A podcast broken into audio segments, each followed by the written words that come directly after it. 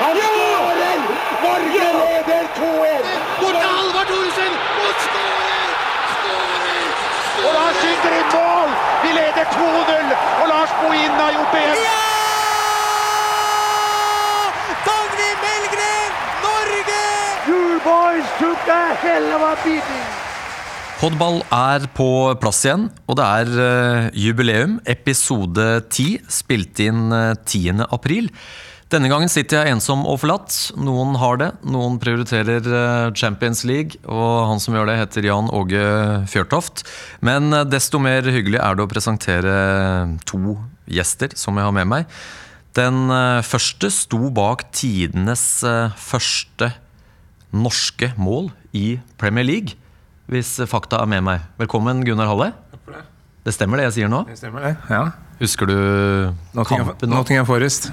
Fem, men det ble målrik? Ble det ikke 5-3-seier? 5-3, ja. Ja. Stemmer det. Og du eh, spilte da for Oldham. Veldig hyggelig å ha deg her, og gratulerer med énplass for gutter 17-landslaget. Takk for det.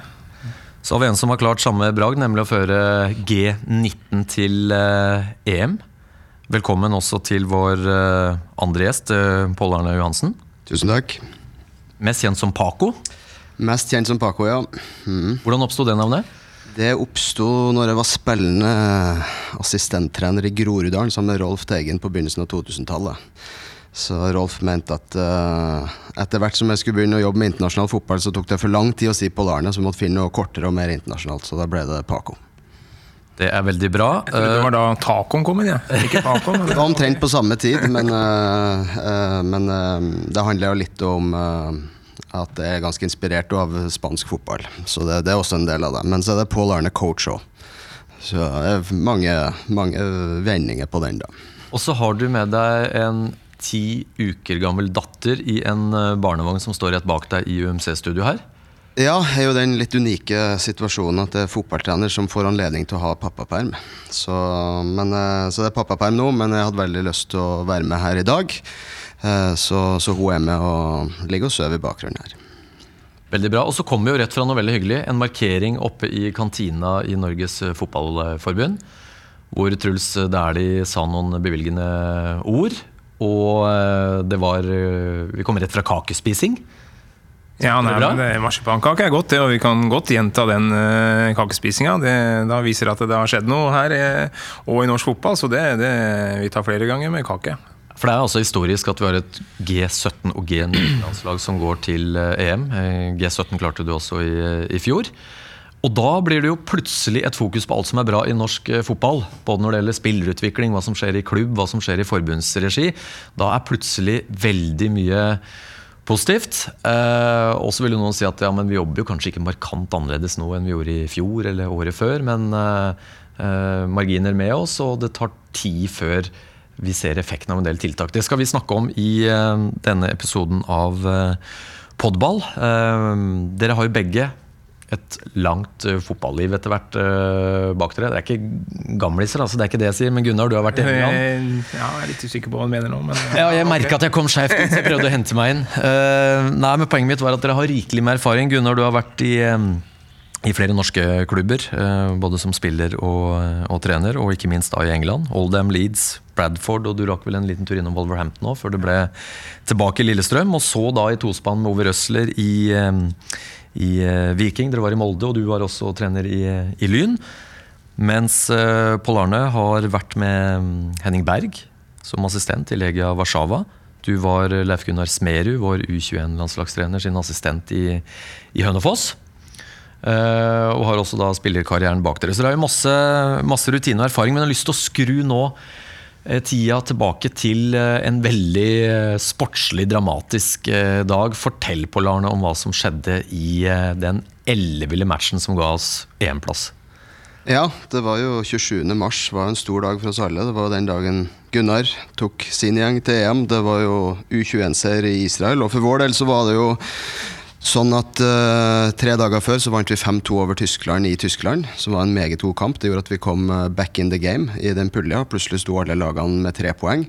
Og da var det jo sånn at eh, alle lagene trengte å vinne den siste kampen, pluss var avhengig av et resultat i den andre. Um, så, så det vi trengte å gjøre, det var å vinne vår kamp mot Skottland, samtidig som Tyskland tok poeng mot Nederland. Og Det så vi på som en bra uh, mulighet. Um, og vi starta veldig bra. Jeg synes vi gjorde en veldig god første omgang mot Skottland. Leda 2-0 ved pause. 7-0 i målsjanser var veldig god. Um, så var det sånn at Tyskland leda 1-0 ved pause, og i um, i det her dramaet som det ble, så kom det frem at tyskerne ble ganske satt ut i pausen av at vi leda 2-0, for da hjalp det ikke for dem å vinne. Så andre omgangen i den andre kampen starta med at Nederland utligna og dominerte kampen. og Hadde Nederland vunnet den, så hadde vi òg vært ute. Så oppi det hele så var det at Skottland kom inn i kampen igjen og skåra fire ganske raske mål eh, mot oss og gikk opp i 4-2, var det som gjorde at Tyskland snudde i den andre kampen. Um, så da gikk de opp i ledelsen 3-1, og da fikk vi høre det. Og da ropa jeg ut til spillerne når det var ca. et kvarter igjen. Eh, da la vi om litt, og så sa jeg hvis vi hvis vi vinner det her nå, boys, hvis vi scorer tre mål nå, så går vi til EM.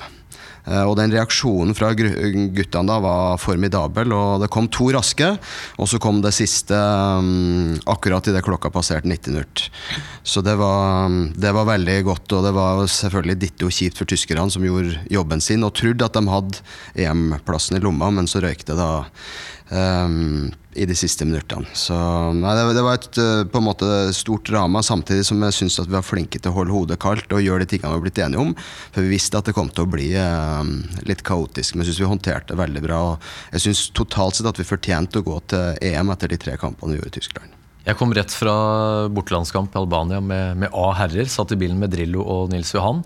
Uh, vi var høyt oppe på 2-0 der, og så på 2-4 så skal jeg innrømme at vi begynte å kikke litt på U21-kampen som gikk live, og, og banna og sverta. For så å oppdage at det sto 4-4. Og da følge med på Twitter-kontoen til NFF og se at det blir 5-4. Og ellevilt er jo et sånt begrep, eh, en klisjé som sportsjournalisten ofte misbruker. Men, med dette her var ellevilt. Har du vært på noe, med på noe mer dramatisk? Jeg tror Nils Johan har vært med på det med motsatt fortegn. I EM i 2000 så var jo Norge utsatt for litt det samme. Vi trodde vi greide oss med 0-0 mot Slovenia, og så skåra Spania to mål på overtid så vidt jeg husker, mot Jugoslavia. og Stemmer. Eh, det, det, var veldig tøft eh, å være norsk da. Eh, så jeg, jeg, har vært med på det på litt distanse, da. Så, så, tror jeg samtidig grunnen til at det ble sånn, var at det var ingen av oss som verken banna eller sverta, men hadde ganske bra fokus på det vi skulle gjøre dersom vi lå under. Så stor honnør til trenerteamet og ikke minst spillergruppa for måten de håndterte på. Vi hadde noen innbyttere som kom inn og var fantastiske òg. Så vi fikk brukt alt som bodde i oss den, den, dagen der. Men det er klart, det var ellevilt. Og så tror jeg alltid det er sånn at når du er utafor, om du er foreldre på tribunen, om du er journalist eller i en bil, sånn som dere tre var, og du ikke har noe direkte påvirkning, så føles det veldig berg-og-dal-bane. Det, det, skjønner jeg veldig godt. Og, um, men for oss som var der, så, så, var det, så følte vi i hvert fall når vi fikk tre-fire, at det var en god sjanse. Det må jeg si. Og guttene imponerte med den kvelden også. Så det var gøy. Veldig gøy. Gunnar, dere gjorde det litt mindre spennende etter hvert, i den, i den siste matchen? Ja, nei, det var jo Det var for så vidt spennende. Vi holdt jo med uavgjort i den siste kampen mot Hellas. Og det var jo kanskje litt sånn preg av førsteomgangen eh, mot Hellas. Eh, litt forsiktig, kanskje det vi gjorde forover, eh, men jeg syns vi hadde bra kontroll bakover. De skapte ikke mye.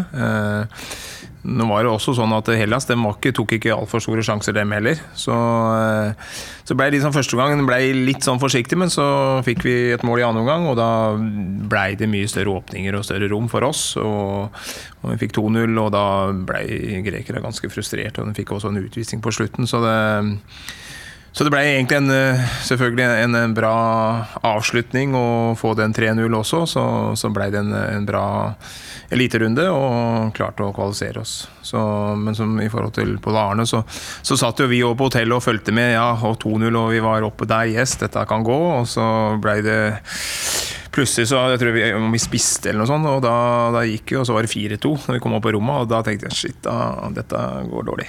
Så, men så var det en fantastisk eh, snuoperasjon, og det var jo kjempemorsomt egentlig for alle. Og etterpå har du vært på, på trekning, Gunnar. Det ble da Sverige, Portugal og Slovenia som endte i EM. Ja, og det, nei, det, det, er en, eh, for så vidt en, en, gruppe som vi eh, Uansett hvem jeg hadde trukket, så tror jeg det blir tøft og, og, og, vanskelig. Men jeg ser på den gruppa der som en, en god mulighet til at vi kan prestere og, og, kanskje komme oss videre til kvartfinalen. Portugal er eh, trolig en av favorittene.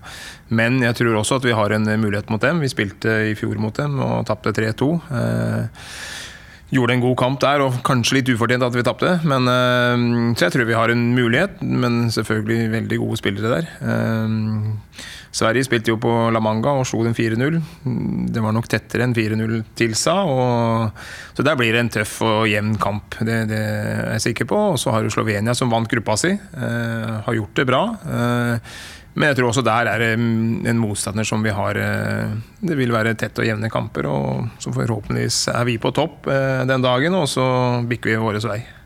Paco, hvordan er det å jobbe med landets eh, beste fotballtalenter?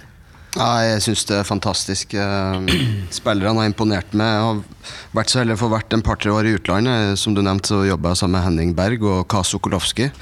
Geir Kåsene kom òg over, så vi var en norsk kvartett. En periode der i Legia Warszawa, og så bodde et uh, halvår i Italia og fulgte italiensk fotball etter det. Uh, men, men det, det, jeg opplever med norske spillere, iallfall de her unge beste, overgår det så både de polske og de italienske. Uh, jobber veldig hardt, uh, har store ambisjoner som jobber hardt for å nå. Tar læring utrolig fort. Veldig høy læringshastighet, å oppleve. Og er veldig vant og god på å være involvert i prosesser. Så, så for meg har det vært en fryd. Gunnar og jeg hadde jo faktisk en tur til La Manga sammen. Det var min første hovedtrenerjobb som landslagstrener med nye U21. Når, når holdt jeg på å si, det forrige U21-kullet var i den kvaliken mot Serbia. Uh, og så har jeg da jobba med de her guttene født i 99, og så også nå i, i vinter begynt med dem som er født i 2000. Så jeg har jobba med 80-100 allerede av, våre, av morgendagens helter, som det heter, og jeg har blitt imponert over dem. Noen vil kanskje hevde at det er eh, litt marginer med, og at det er litt tilfeldig at plutselig vi får to lag inn nå. Mens andre vil peke på at nei, dette er jo et resultat av et ganske målretta strategisk arbeid. Hva er suksessfaktorene dere vil peke på? Du først, Paco. Ja, jeg tror først uh, at før man skal begynne å tilskrive systemarbeid og suksess, så tror jeg vi har suksess over tid. Og det her er vel første gang på 13 år at vi er i EM med 19. Um, og nå har vi vært dyktige og tatt oss inn i to EM på rad med 17, men det var de to første. Så jeg tror jeg ville avventa litt og sett, an om vi får til å gjenskape de resultatene. Vi har jo høyere mål vi, enn som så. Vi ønsker å være der hvert fjerde år med G19. Så inntil vi gjør det, så, så tror jeg vi skal være forsiktige med å, med å, på en måte bli for høy og mørk. Uh, men så tror jeg òg det er sånn at når vi nå er en av fire nasjoner i Europa vel, som har lag i begge mesterskapene, så er det fordi vi gjør noen ting rett.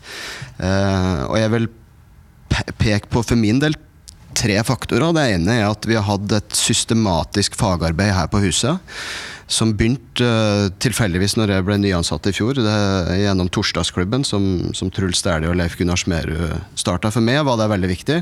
Da fikk vi samkjørt en forståelse av sportsplan, som er vår, uh, våre retningslinjer for spillet vårt. Vi fikk bygd en felles analysemodell, og, og vi kom tett sammen. og og, og, har hatt god kontakt ved landslagstrenermiljøet. Så det er på en måte den fagligheten vi har sammen, den, den tror jeg er én. Eh, så tror jeg nummer to er at i hvert fall jeg opplever at akkurat nå så har jeg spillere som spiller mer eller mindre fast i Obos og Eliteserien.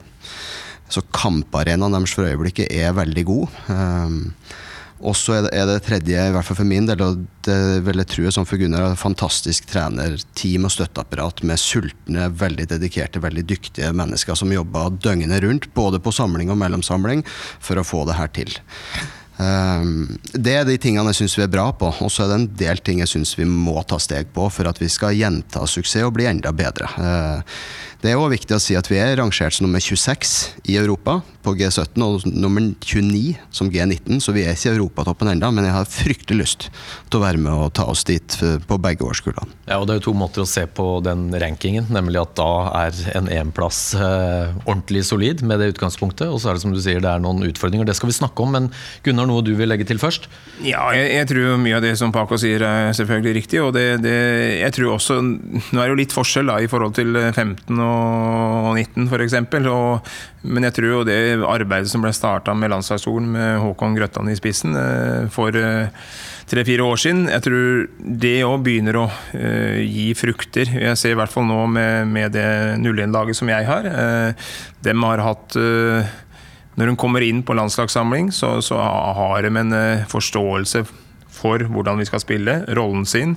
Eh, du trenger ikke å lære dem helt opp på nytt. Eh, og Det starta også når jeg hadde 99-kullet, så, så, var jo dem den, kanskje den første som starta med dette her. Og da var kanskje ikke alle ting satt, eh, verken her eller ute i kretsa. Men eh, jeg syns det, det, arbeidet som er blitt gjort der, det er blitt bedre og bedre. Og så har vi selvfølgelig ting som kan bli bedre der fortsatt. Eh, men jeg tror det også er en viktig del av det. At det tar oss videre, og vi har en litt sånn rød tråd i, i det vi gjør oppover. Paco? Ja, altså, jeg synes jo Det som er veldig bra rundt laget til Gunnar i tillegg Jeg nevnte jo at dere slo Sverige på La Manga. Uh, G17-laget har jo nå gjort det til en tradisjon å være på La Manga åtte-ni uh, dager. Og ei uke på Fagernes. Så to ganske tette tiltak rett før det her avgjørende EM-kvalifiseringstiltaket. Det tror jeg er et viktig suksesskriterium. Og det å på en måte greie å få til gode samlinger utenfor internasjonal dato er en av de tingene jeg tror vi kan ta de andre på. Så det, jeg vet ikke hvordan det har vært, men jeg har sett at nå har vi gjort det to år på rad, gått til EM to år på rad. Jeg tror det bidrar godt, for da er man ganske inne i ting både som trenerteam og, og spillergruppa. Ja, og det, det, stemmer. Og jeg vil også si at liksom det, det har jo blitt jobba for at vi skal få flere og flere landslag. Nils Johan i, spissen for det. Og det, det, det, har vært viktig, tror jeg, for å få at spillere får de internasjonale referansene og nivået de må være på eh, for å kvalifisere seg til sluttspillet. Og det, det har gjort at eh, nå opp gjennom de siste åra at vi har bygd oss opp det, og da, da har vi klart å nå de måla. Og så er det ting som selvfølgelig skal jobbes med videre og kan bli bedre. Og i tillegg, uh, i tillegg, til flere landslagstiltak, så en gjenganger i, i podball har vært diskusjonen rundt uh, konkurransesesongen. Altså særlig tidspunktet for oppstart. Og vi hadde besøk her av Bengt Eriksen, Svea osv. Og, så og det blir ofte dratt fram som argumenter at uh, det er så få spillere fra Eliteserien på et A-landslag at om du begynner seinere, det, det kan ikke være spesielt viktig. Så glemmer jo da en del av de kritikerne at sånn som dere som leder våre beste 17-19-åringer, som også har spillere som er i, i Eliteserien eh, Obos-ligaen. De jeg vet ikke hvordan dere vil tillegge tidlig seriestart, hvor viktig det har vært for å, å kunne sikre EM her? Det at de var i konkurransemodus? Ja, nei, For laget mitt så, så er det klart det, det, var jo flere av de spillerne som kanskje nesten ikke hadde spilt eh, mm. kamper og seriekamper. For dem, dem starter ikke så tidlig, men noen av dem, ja, viktig. Og så er det kanskje enda viktigere med det laget til, til Paco, hvor det er enda flere som spiller i både Obos og Eliteserien. Så det, det, er nok enda viktigere der. Men jeg tror det, ja, selvfølgelig. Og når vi har en kvalik som er såpass tidlig, så er det jo viktig at de får konkurranseelementet inn eh, litt før de skal spille den turneringa. Ja, nå er det jo sånn at Jeg tror Nasjonal G18 hadde vel seriestart midt i februar i år. Jeg vet ikke om du har noen spillere med deg, Gunnar, men det er i hvert fall eh, Uansett om det er eliteserie, så, så jeg, tror jeg det er veldig viktig. Og jeg opplevde at um, Vi bruker vel å snakke om det i fagmiljøet at seriestart er ikke bare kamper, det er en sinnstilstand og en tilstand i, i klubbene òg. Så jeg opplevde at det har vært en veldig sånn kompetitivt klima spillerne kom fra og inn til Tysklandssamlinga nå. Det var helt, helt avgjørende for oss. Eh, samtidig så er det sånn at mine spillere som er sånn i vannskorpa, er de i elveren eller ikke, har en veldig fin reise i januar-februar òg, for da roterer jo treneren på laget. Ofte på treningsleir ute på gress, spiller mot god internasjonal motstander. Så det opplevde jeg i mars i fjor òg, når vi var ute, at spillerne var veldig spreke på det tidspunktet. Eh, jeg syns det er en vel så stor utfordring hva slags kamper det har de fra nå av, og frem til når, holdt jeg på å si. Eh, for noen av dem har falt ut av, av lagene sine nå, men når de kom inn i mars nå, så det er ingen tvil om at han hadde en veldig bra januar og februar. Seriestart, gode treningskamper og fått spilt mye på, på høyt nivå der. Jeg opplever at vi er foran både tyskerne og nederlenderne. Ja, det var et par fra Bundesligaen, et par i æresdivisjonen, men den jevne tyske spilleren spiller aldersbestemt fotball fortsatt. og Der opplevde jeg at vi hadde eh, på en måte en voksnere inngang i spillet vårt enn det tyskerne hadde. I hvert fall i den kampen mot dem. Før vi ser på utfordringene for norsk fotball, spillerutvikling, eh, aldersbestemte landslag. Fotballfilosofien, hva, hva, er dere opptatt av som trenere? Du først, Gunnar. Nå er det jo litt, eh, som jeg sa i stad også, kanskje det, er jo litt forskjell når jeg starter med 15-åringene og han starter med 18- eller 19-åringene. Hvordan vi starter. Og, eh, når vi går inn med 15-åringer, så har vi noen punkter defensivt og offensivt som, som er viktige for oss. Og Eh, og jobber ut mot det, og så kan du utvikle det når du blir 16, 17, 18, 19. men jeg er opptatt av at uh, selvfølgelig vi skal være, være, et lag. Det er viktig, og det tror jeg egentlig alle, eller begge lagene her som har kvalifisert seg. De har vært et lag og et støtteapparat som har jobba sammen om én ting. Og at de får dem til å skjønne at det, det, er ikke bare jeg, men det er vi som må prestere. Og det tror jeg de laget her har gjort. og det tror jeg også er viktig å få inn. Uh, skal vi komme oss videre, så er vi avhengig av laget, ikke bare de, individuelle. Uh, men jeg er også opptatt av at ja, når vi har ball, så, så skal vi prøve å utvikle det offensive med kanskje også spille litt forskjellige systemer noen ganger. La dem teste seg ut på det. Men også at når, jeg, når vi vinner ballen, så skal vi være gode. Vi skal, eh, når motstanderen er i ubalanse, så må vi kunne ta den og gå hurtig i angrep. Jeg mener Det er da vi har kanskje har skapt de fleste sjansene våre når motstanderen er ubalanse. og Der syns jeg vi har vært gode å ha spillere som har eh, stort potensial til å utnytte det. Eh, men så er det jo i forhold til omstilling, gjenvinning Eh, den biten. Være, være gode førsteforsvarere. Jeg synes jo Der er jo en, noe av det vi har å gå på. Å være gode som førsteforsvarere. Én mot én. Eh, defensivt, ikke minst. Og også offensivt. At vi kan bli bedre der. Eh, jobbe med spillere i begge bokser. Der, der det avgjøres. Og der òg kan vi bli bedre, syns jeg. Men det syns jeg vi liksom Vi har satt noen kriterier og hatt fokus på det, og de har tatt små steg hele veien. Paco, hva kjennetegner din fotballfilosofi? Jeg liker å si at eh, vi skal spille en positiv fotball. Og det er? Ja, I det så legger jeg litt sånn at når eh, både spillerne og vi støtteapparat og dere som er og ser på, skal få et lite sånn smil på munnen når man tenker på det laget. Et nervøst smil, skjønte da, i forhold til den siste kampen. Men, men, jeg ønsker at det skal være et lag som ja, skårer flere mål, skaper mer sjanse enn motstanderen, men har flere gjennombrudd, har ballen mer, presser oftere høyt enn lavt. Oftere går for gjenvinning enn å trekke seg tilbake. Altså en positivitet, en, et ønske om å dominere og styre kamper, og at man blir glad av å være med på det og se på det. Det er på en måte min eh, inngang. Uh, og så, så, har vi sånn, Hvis du bryter litt ned, så har vi tre sånne ting vi har jobba med. Det ene er å ha et angrepsspill som gir motstanderen trøbbel, uansett hvem det er. Så nå uh, hadde vi jo ballen mer enn både Nederland og, og Skottland. Og kampen mot Tyskland var den første av de 16 kampene jeg hadde der laget hvor vi ikke hadde ballen mest. Uten at, ikke at det er så viktig, men jeg tror det er viktig å ha ballen for å skape noe med ballen.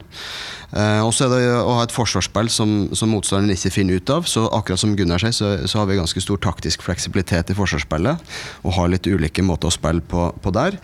Og så er det kanskje det viktigste å være best i begge boksene. Um, det er på en måte det, det vi jobber med. Og nå vi jo, var vi jo det laget i Europa som skåra mest i hele fjor. 33 mål. Uh, og nå var vi det laget i Europa som skåra mest i den kvaliken her. Uh, slapp inn altfor mye, uh, men det var mest på, på kontring imot. Men jeg, jeg, tror folk som var og så på oss, smila litt etterpå, tross alt. Um, så, så det, det hadde overordna seg, og også opptatt av hvordan vi er med hverandre og tilnærminga. Så som Gunnar sier, laget foran jaget eller jeget, det jobba vi ganske mye med, og det opplever jeg litt av kan være litt av utfordring i dagens individualiserte rettighetssamfunn. Så vi jobba ganske mye med det, å være et lag. Og det så jeg jo nå når vi var på samme hotell som Nederland, Tyskland, Skottland, at det kosta, men det er ganske viktig. Vi greide å være én gjeng hele tida. Det var ikke alle de andre som greide å være det. Eh, så, så, vi er veldig opptatt av det med å være en gjeng, ett lag. Eh, og så blir det utskiftninger, selvfølgelig. Vi må spille med de beste, men vi skal jammen være et lag, altså. Men du sier det, bor på samme hotell med, med tyskere, nederlendere og skottene, som du, dere spilte mot. Hva sier sånn som tyskerne når eh, fasiten ligger der? og dramaet har vært på den måten, men at dere altså Lille Norge er det laget som går videre. Hvilke tilbakemeldinger får du? Nei, jeg tror tror det er viktig å forstå at Tyskerne de jobba jo ufortrødent videre likevel. Så de skal jo spille kamp med det her laget om 14 dager mot Danmark og gønna på. Uh, og jeg tror det er en av de tingene vi bør lære av dem. De er ganske gode på å jobbe ufortrødent videre. Selvfølgelig evaluere og være kritisk. Men nullstille? Uh, nullstille og ha en plan for dem videre. Uh, så, så, så det, det, ser de. Samtidig så syns jeg tyskerne oppførte seg eksemplarisk. Kom bort, takka, syns vi var veldig gode, fortjent å vinne. veldig bra på det. Eh, og hele arrangementet var i Tyskland. Jeg fikk en sånn god følelse av måten de arrangerte på og måten de var på. Så jeg opplevde en veldig sånn fair play on fra dem. Um, så, så det, det syns Og det blir en veldig god stemning på, på de hotellene. Man, man prater sammen, man takker hverandre for kampene. Og, og jeg lærer mye av å snakke med de andre trenerne og støtteapparatene deres. Så, så det er jo derfor jeg også kan si at vi har noen ting som vi er bra på, men andre ting vi kan um, ta steg på. Og det tyskerne som er bra på, syns jeg, det er den systematiske, målretta jobbinga mot å skape et best mulig A-landslag. Og det merker jeg når jeg er og spiller mot de aldersbestemte, kanskje Gunnar gjør det òg, at det er tydelig at de er i en skole på en vei mot å vinne VM en eller annen gang. Det, det oppleves som en veldig tydelighet fra, fra dem. Uh, så nei, jeg opplevde stor grad av respekt og ydmykhet, samtidig som de uh, kjører på med sitt. Uh, under fotballtinget så hadde du et innlegg, Paco. og Da stilte du spørsmålet 'Gir vi drømmen en sjanse?' Og så sa du at akkurat nå er svaret nei. Og da er vi over på det som heter utfordringer i norsk fotball. Hva, hva tenker du på? Ja, det her med landslag er jo én faktor der. Jeg, som jeg sa i stad, jeg tror det er veldig viktig at laget til Gunnar er samla såpass mye som de er før den EM-kvalifiseringen de var på Hellas nå. Jeg tror det er viktig. Eh, vi har hatt gode forberedelser. Vi hadde like mange samlingsdøgn som tyskerne. Vi spilte flere kamper. Det gjør at vi var konkurransedyktige. Eh, men jeg, jeg syns vi har et hull etter spillerne slutta å spille G19 frem til de skal øh, begynne på U21. Uh, der syns jeg også tyskerne er mye flinkere og har kamper jevnt og trutt. Som Gunnar sa, de her spillerne trenger jevnt og trutt internasjonale referanser. Og det er klart når vi har spillere som får 50 aldersbestemte landskamper for Norge, og så går det plutselig to-tre år før de har muligheten til å spille igjen med flagget på brystet. Like før de skal være A-landslagsspillere, så mener jeg at det, sånn kan vi ikke ha det. Det, det. det, med å ta bort den drømmen de De står likt med tyskere nå, gjør de det om to år. Så det handler bl.a. om det å ha jevnt påfyll med, med landskamper. Um, og det er jo litt sånn med det laget til Gunnar når de er ferdig med EM i England nå. Uh, tilsvarende lag i fjor hadde da ett tiltak på fire internasjonale datoer før de kom til meg eh, igjen. Også. så jeg, jeg, tror de der eh, hullene etter mesterskap tror jeg, tror jeg, vi er nødt til å tette for å henge med. Jeg tror vi trenger eh, landskamper jevnt og trutt. Og det store målet for oss alle er jo å komme til sluttspill med A-landslaget. Og skal vi greie det, så tror, jeg, så tror jeg landslagsstigen må være enda tettere med tiltak. Ja, vi har tatt steg, og vi har flere tiltak, men jeg, jeg syns det er nok enda. Eh, så, så, på landslagssida så, så, er det det at vi fortsetter fagarbeidet som vi har begynt med. Eh, så er det også sånn at spillerne er mest i klubb. Og jeg opplever kanskje der den største utfordringen med å gi dem rå nok matching til, til rett tid. Eh, jeg sa jo det på tinget, og det står for. Våre morgendagens helter spiller systematisk på et for lavt nivå i forhold til den dyktigheten de har. Uh, noen unntak. Mange av dem spilte i elveren i Tyskland, men jeg mener at, uh, at vi må være langt flere unge spillere som spiller på et høyere nivå tidligere i Norge. Og så blir det neste steget da å ta turen ut etter hvert. Men jeg opplever systematisk at de spiller på et for lavt nivå. Hva tenker du om det, Gunnar? Nå er jo de du trener da litt, litt yngre, men ja. når Eliteserien rankingmessig, nivåmessig er der han er, så, så, har det jo vært eh, opp gjennom årene en uh, løpende debatt om antall utlendinger versus å slippe til unge norske mm. talenter. Noen syns vel kanskje den pila peker riktig vei, men uh, det kan bli bedre. Ja, jeg er enig i det. Jeg synes jo En av utfordringene er at når de, når de skal komme seg opp på et A-lag, og, og, da får, blir det for dårlig matching, da spiller de kanskje tre- eller fjerdedivisjon, og så skal de ut i en 19-landskamp. Eh, da blir det litt for dårlig matching i forhold til nivået den skal være på. Og Det er å finne de løsningene der for de unge spillerne. Eh, at de blir matcha høyest mulig opp og får kamptrening på godt nok nivå, det, det er jo utfordringa. Og det kan jo kanskje være en uh, idé, og sånn som det var tidlig, med en sånn uh, utlånsordning som uh, i hvert fall landslagsspillere kunne gå Det var vel fritt på en måned eller noe sånt. Mm, ja. ja. Så, så, så, det syns jeg var Det kunne vært en, en løsning. Men jeg tror jeg finner løsninger der, og også få gitt de spillerne der sjansen til å spille på et enda høyere nivå. Og da, da tror jeg den Det blir kortere vei til å prestere der oppe. Ja, for Hvis du er eh, ung eliteseriespiller i dag, men bare unntaksvis slipper til på A-laget, så risikerer du plutselig at den andre konkurransearenaen er nivå fire. Eller fem. Eller fem, for det er flere lag som rykka ned. Ja, vi, har alt, vi har mange eliteserieklubber nå som har sitt andre lag i fjerdedivisjon, altså på vårt nivå fem. Og det er klart det er et meget lavt nivå. eh, meget lavt nivå. Det er ikke konkurransedyktig i det hele tatt. Og eh, Helt enig med Gunnar, utenlandsordninger, så må vi også være klar at det er noen sånne utdanningskompensasjonsregler som gjør at klubbene nødig slipper spillere. Så vi må se på hele regelverket, men det er vi som system som stopper det. Jeg opplevde stor velvilje i det sportslige apparatet i klubbene til å få det her til, hvis man ikke taper masse penger på det og har fleksibilitet til å hente spillerne tilbake. Um, så jeg, mener at det, er et sånt strukturelt grep som ganske enkelt lar, seg gjøre. Litt over på, på, et tema som er viktig i forhold til karriereutvikling for uh, unge spillere. De som uh, leste VG i dag, så at Jon Arne Riise er i gang i, uh, i agentbransjen. Han hadde kontakta flere av spillerne på G, G17, Gunnar.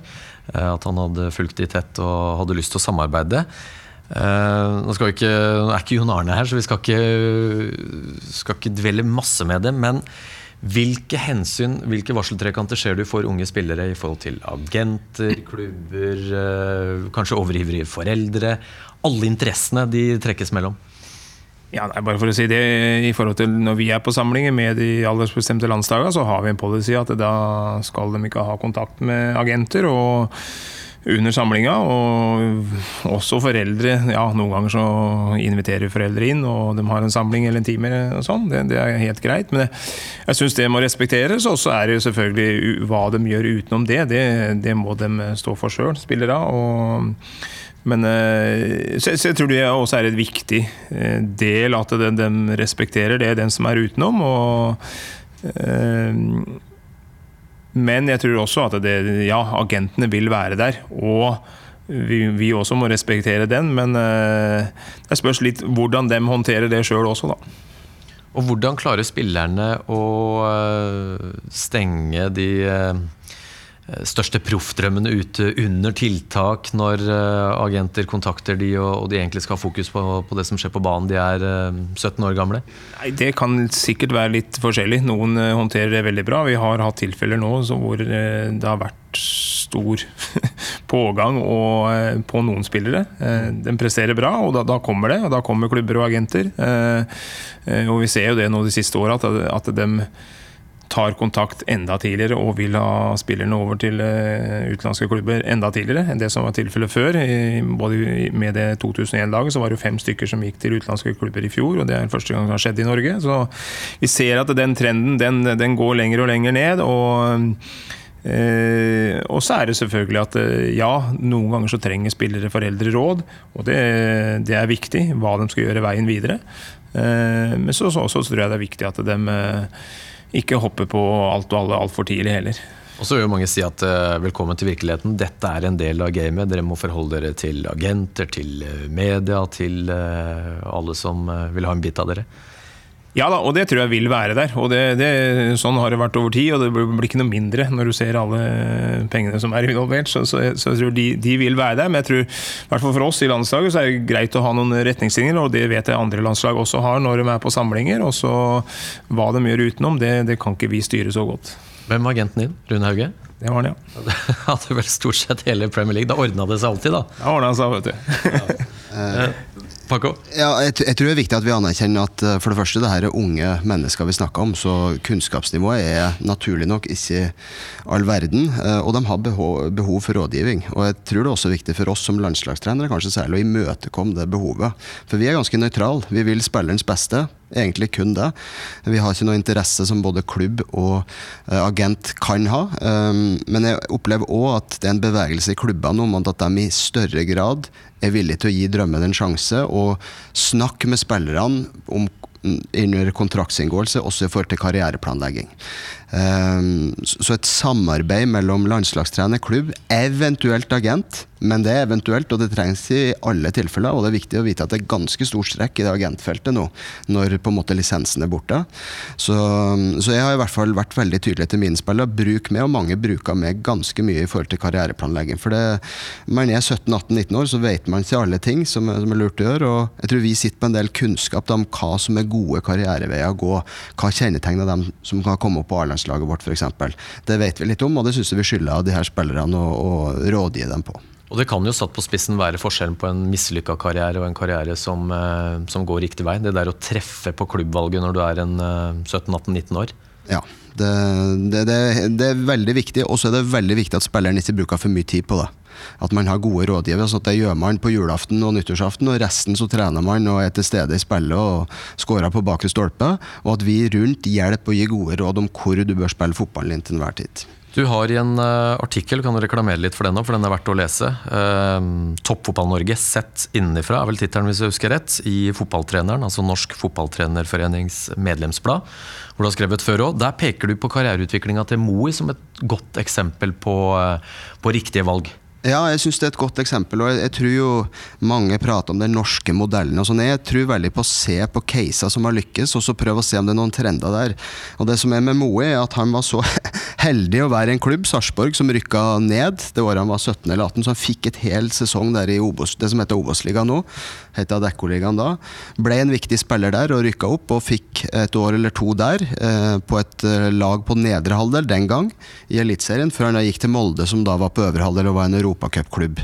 Og tok steg videre der, før han gikk til Basel, som er vel i den sveitsiske ligaen som er rangert som nummer 15 i verden, tror jeg. Og nå er han prisatt til 300 millioner, leser i avisa, og har spilt mange landskamper for A allerede og skåra mål.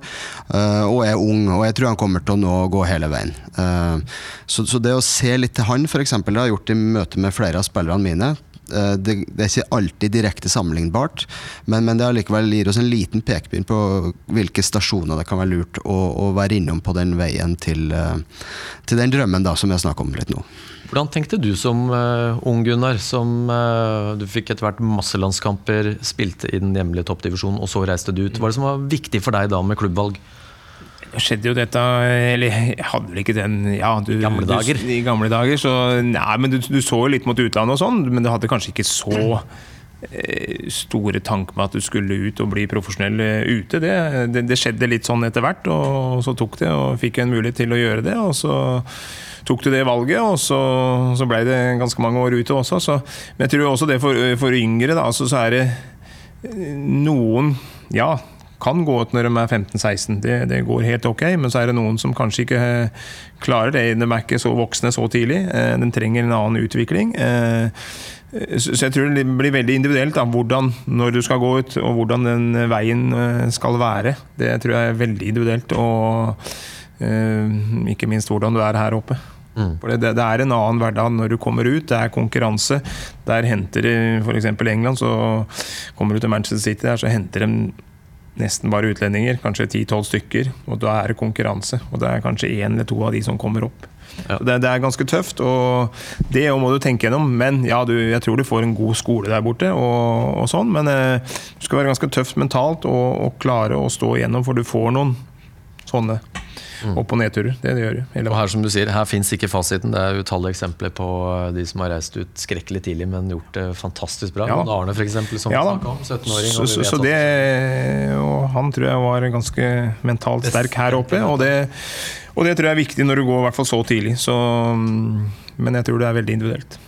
Det er det. Jeg må si at uh, En av grunnene til at jeg er opptatt her, er jo Gunnar. For Jeg var jo ung på den tida han spilte i Oldham og Bradford og Leeds, som er min klubb. Um, så, og var med på det her landslaget som gjorde furore på, på 90-tallet. Uh, og da var jo et av greiene var at mange av dere spilte ute, og på høyt nivå. Uh, og jeg tror det er mulig å lage et sånt A-landslag igjen, og det er litt av på en måte min lidenskapelige motivasjon for å jobbe med det her. Det er at flere får lov til å ha den type karriere som Gunnar hadde. Har vel 64 A-landskamper eller noe sånt. Og skåra litt mål og vært i noen sluttspill og sånn, og det, det, tror jeg er veldig kjekt å være med på. da Jeg husker hvor mye det betydde for oss rundt. Eh, så jeg sto på Karl Johan og hoia der i 98 etter Marseille. Så det, det, det er liksom det, det, å være med på det, det er en viktig drivkraft for meg. det her.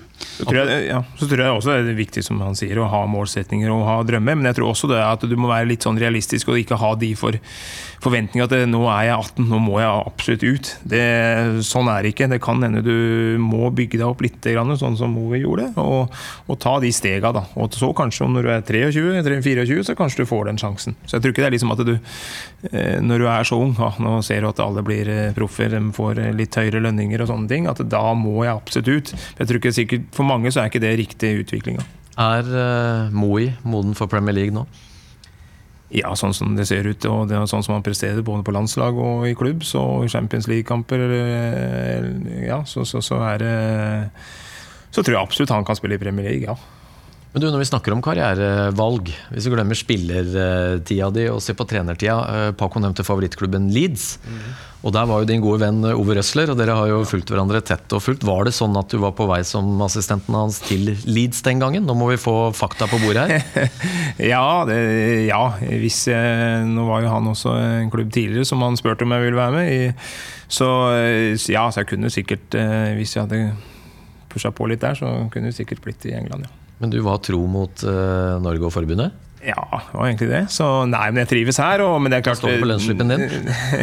kanskje det hadde forandra seg litt hvis jeg hadde kommet bort dit, men ok. ja, ja, ja.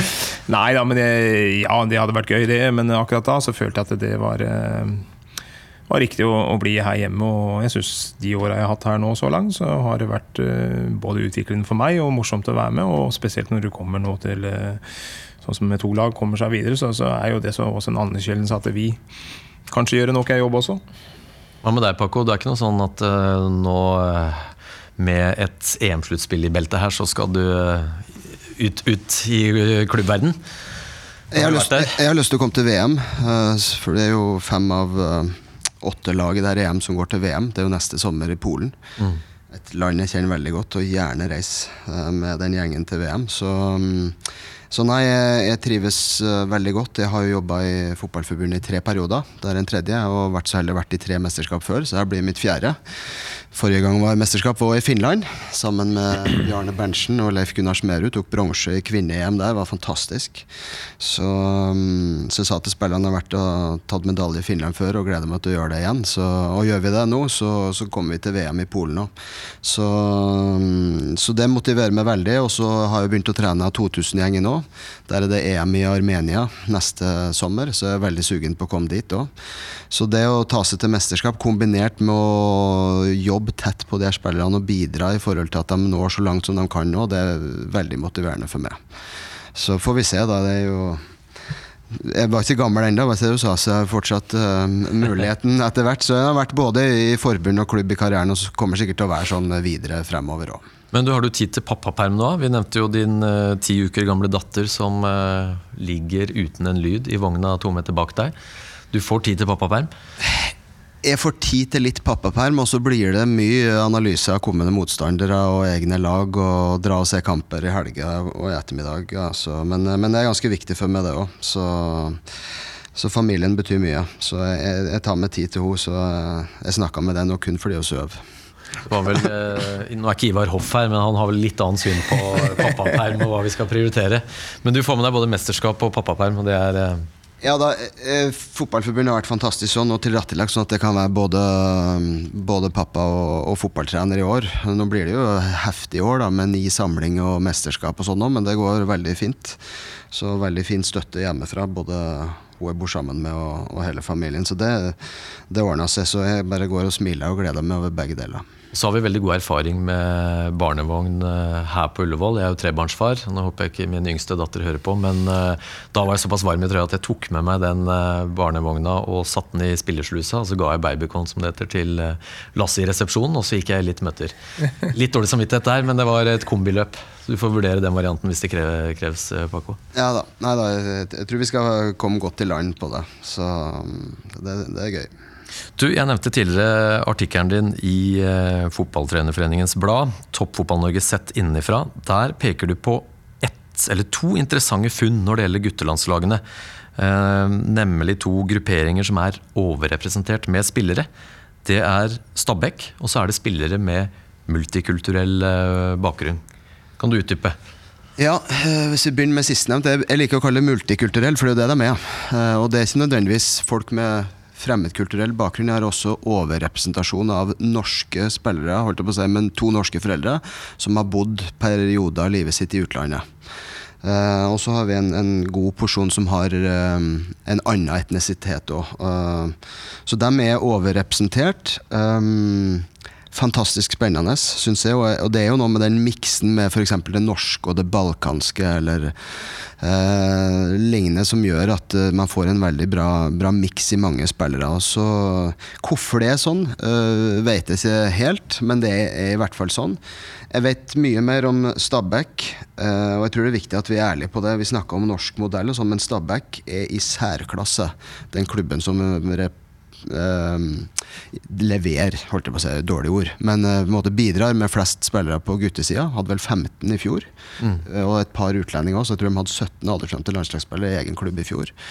Eh, og det tror jeg fordi at de, de har en eh, veldig god systematisk fagarbeid, eh, også i barnefotballen, 6-12 år, også fra de kommer inn i mer den ja, elitetenkinga fra de er er 13 år. Ja, og det er jo andre klubber som har langt større ressurser, så her må det være en tydelig systematikk og, og strategisk plan. Ja, én ting er ressurser, men så er det å sette av ressurser til den type arbeid. Og, og Tørre å prioritere. Ja, og tørre å ikke kutte vekk. De hadde jo en kuttprosess som var ganske kraftig da de flytta fra Fornebu. Eh, Utviklingsavdelinga fikk holdt på med sitt, og det, at de har stått i det, tror jeg er veldig viktig. Og så, som jeg skriver der òg, og det mener jo at det at Tony Ordinas og Jan Petter Jalland begge kommer derifra og nå trener A-laget, gjør at den broa er veldig sterk fra utviklingsavdeling til A-lag, og at de slipper spillere til hele tida. Og så viste det seg at spillerne tar nivået og, kan spille, og sto i Eliteserien med god margin i fjor.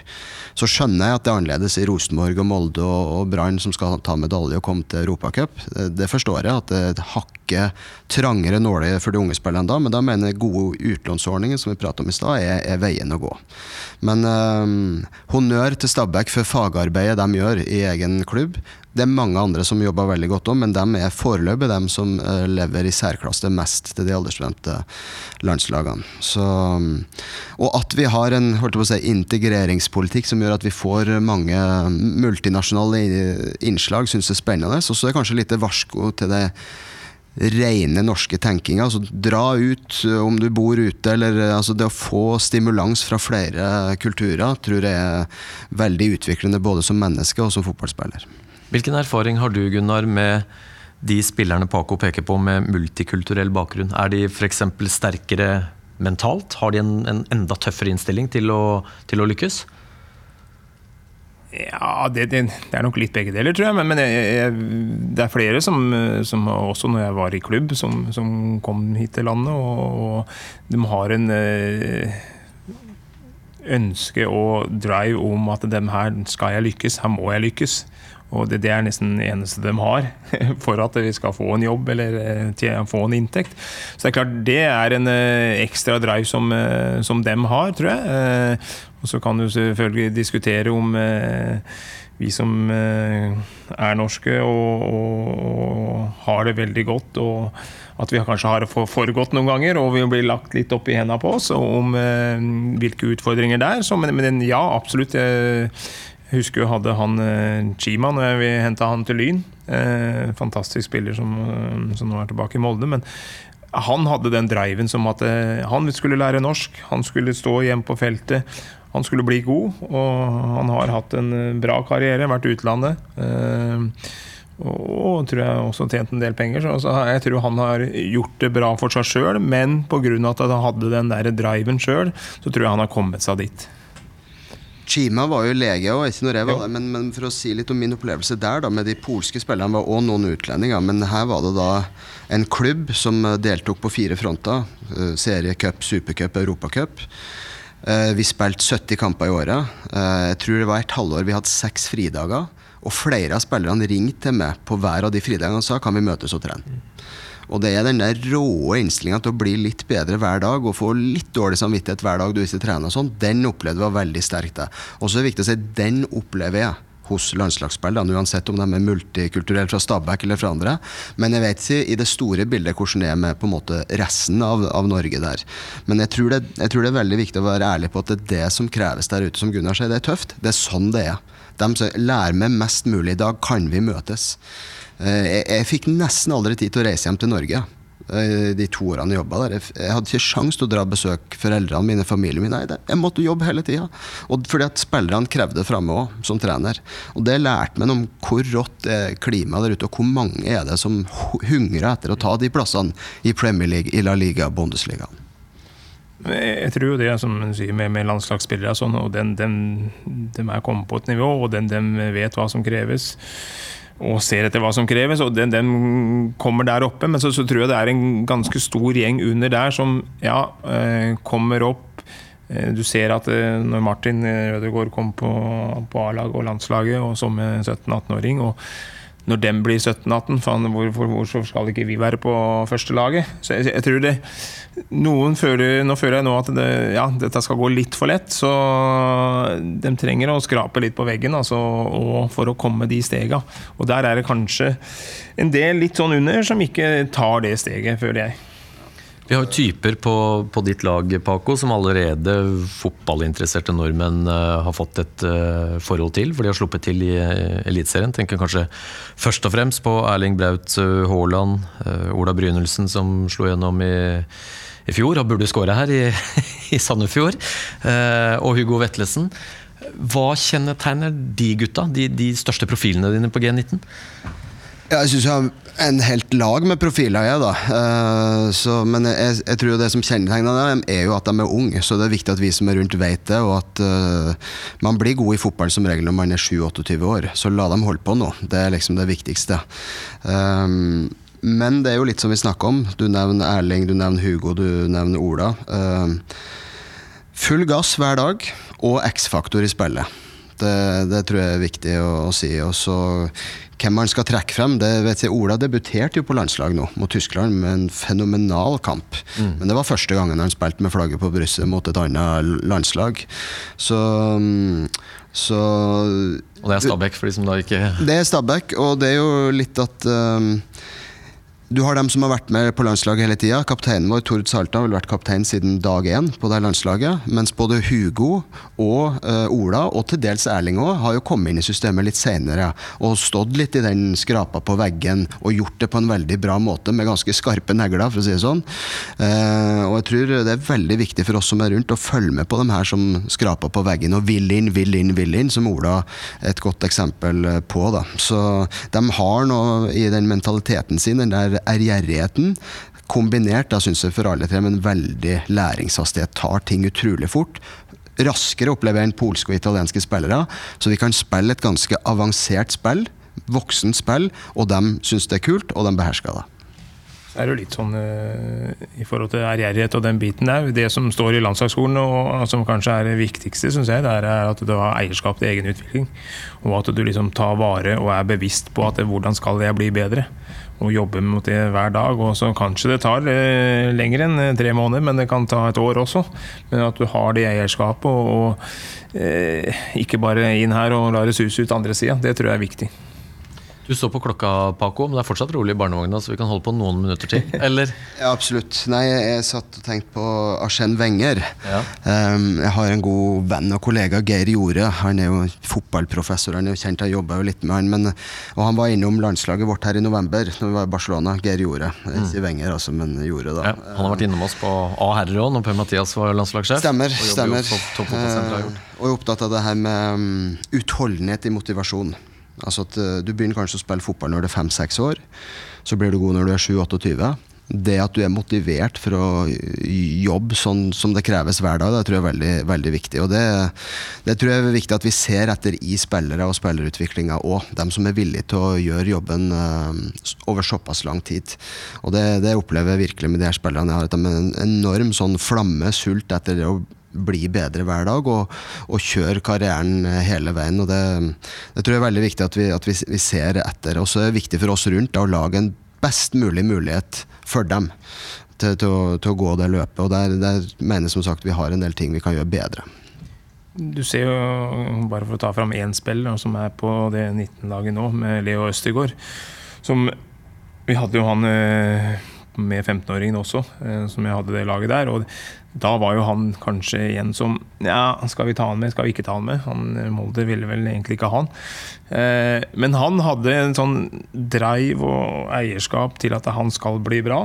Og du ser hvor han er nå. Nå er han jo spiller Nå har Han gått til Viking, da. Men eh, han har i hvert fall tatt en utvikling, og, men, så du ser jo liksom fra 15 til 19 så skjer det veldig mye. Det, det kan være at de, når de er 15, ja, vi er ikke helt der enda, men så, så går det hele veien. Og det, det, skjer jo noe hele den veien der. Men han, eh, han er en spiller som jeg syns har, har, gjort den biten riktig, og, og, og jobba knallhardt hele veien for å komme seg der han er nå. Gunnar, du og G17 skal eh, til EM om ikke lenger. Det er vel bare en tre ukers uh, tid? Mesterskapet i England. Vi nevnte motstanderne Sverige, Portugal, Slovenia. Betyr det at dere møtes på Gardermoen og fyker av gårde og, og spiller kamper? Det blir ikke noe, noe pre-camp, eller? Det blir ikke noe pre-camp, men uh, vi møtes her uh, den 30. april. Og så drar vi til England den 1. mai. Så uh, håper jeg vi får en liten treningsøkt på Ullevål her. Da er søknad levert til banesjefen. Jeg skal ta tak i den. Paco, dere skal til eh, Finland midten av juli. Trekninga har ikke vært. Eh, ønskemotstandere? Ja, så Jeg har jo kjenner de her andre sju lagene ganske godt. Um, så det er vel, eh, med unntak av Ukraina, så er det vel lag som er bedre i angrepsspillet enn i forsvarsspillet. Så det, de er ganske like hverandre flinke med ball og ikke så gode til å forsvare seg. Så det ligna veldig på det vi møtte nå med Tyskland, Nederland og Skottland. Så det er ikke noen sånn spesiell preferanse der. Eh, målet er å komme til VM, og uansett hvem vi møter, så så har vi visst at vi kan hamle opp med de, med de, fleste, og jeg er ganske trygg på at vi kommer til å skåre mål igjen. Så det å, det å, bli litt tettere bakover blir på en måte en viktig del av forberedelsene. Vi får jo i motsetning til Gunnar litt lengre tid da, til å forberede oss. Vi skal både ha et tiltak her hjemme i Norge som vi driver og planlegger nå, i starten av juni, og så får vi fire dager pre-camp før første kamp. Så vi har ganske bra muligheter til å forberede oss, i tillegg til at spillerne får uh, spilt kamper i klubbene sine frem til da. Og så er det jo juli og kunstgress. Det er bra Det låter kurant. Det, det, liker vi. det liker vi. Så det er en bra mulighet. Det kommer til å bli tøffe kamper mot gode lag, men vi skal jammen være slagkraftige, vi òg. Og så Gunnar, mens han da har Paco-mesterskap i juli, du i mai, så er det jo en match ut på Ullevål her i sommer òg. Gamle helter. Norge-Brasil. Ja, du var jo både i 94 og 98 VM for Norge. Det blir jo spennende, det. Så nå, de sier jo de har solgt mye billetter òg, så det, det, kan jo bli morsomt, det. Og da kan jeg si til de som hører på at For noen år siden så var vi på Vestlandet. Åpning av en eh, lokal bane da Kjell Siem var generalsekretær. Der var det vel en åtte-ti tidligere landslagsspillere. Det var én spiller som skilte seg ut til de grader. Det var ikke Kjetil Rekdal som sto i midtsirkelen. Det var ikke Rune Bratseth som løp eh, ut til benken og ville bytte etter ett minutt. Men det var Gunnar Halle. Du er jo supersprekk. Ja, Vi får se nå om det, det kan jo fortsette en strekk der òg, så får vi se hvor lenge det holder. Jeg kan bekrefte, jeg kan begreie, jeg skal fortelle hele historien, men når vi var sammen med støtteapparat, så hadde vi jo var ganske mange som var i god form der. Men uh, Gunnar slo alle på løpetur opp til kanonene på La Manga der. Han er i meget god form. Så så ja, fantastisk. Det som fotballformen. Ja, det ser ikke bort ifra at den er ganske bra. Er god på så mye òg. Sykkel, f.eks. Mats Kaggestad sa jo at han er ekstremt sterk muskulært, og han, han sitter fjellstøtt på sykkelen, og han har en utrolig kraft. Han, snak, han, har jo omtalt deg som om du kunne vært på sykkellandslaget. Ja, Måtte nok begynt litt før, da. det er bra. Du, Dere skal få lov til å returnere til kantina. Jeg har uh, krevd at de måtte spare litt uh, kake. Um, vi har holdt på en uh, snau time, og dere har jo fått stort sett snakke uavbrutt. Kan det ha sammenheng med at Fjørtoft ikke er her? Nei, Håkon Grøtland var jo her forrige gang, var det vel. Og han sa han fikk prate lite, men jeg vet ikke hvorfor. Nei, det har noe med CV og meritter og må kvalle. Nå skal vel han vikariere på G15 for deg? skal han ikke Det Det skal han gjøre. så Vi tok ut en tropp til G15 som skal til Stemmer. Østerrike og Italia nå og spille fem kamper. Så det, det, blir spennende med det første gang med dem. Så Håkon og Magnus Johansson skal, skal ha det laget. da. Det er bra. Jeg ønsker dere begge to masse lykke til i EM, og lykke til med pappapermen, Paco. Takk for det, og takk for at jeg ble invitert. Vet, vi som jobber i fotballbransjen setter pris på sånne her langsomme medier, så vi får lov å prate litt, i hvert fall. Ja, det er godt å høre. Det var også litt av bakgrunnen for at vi ja, det, dro i gang podball. Veldig hyggelig, Sven. Og det, vi har mye å si, vet du, og mange tanker om hvordan vi skal få norsk, eller elitedelen av norsk fotball opp og frem igjen, er dit vi var på 90-tallet. Så, så setter stor pris på at vi ble invitert. Bare hyggelig. Og så håper vi at dere dukker opp her eh, ved en senere anledning òg. Da kan det hende Fjørtoft er her, så da må jeg ha litt kortere manus, men det går sikkert, eh, sikkert bra. Eller lengre tid. Eller lengre tid. Lykke til igjen, begge to. Takk tusen takk. Tusen takk.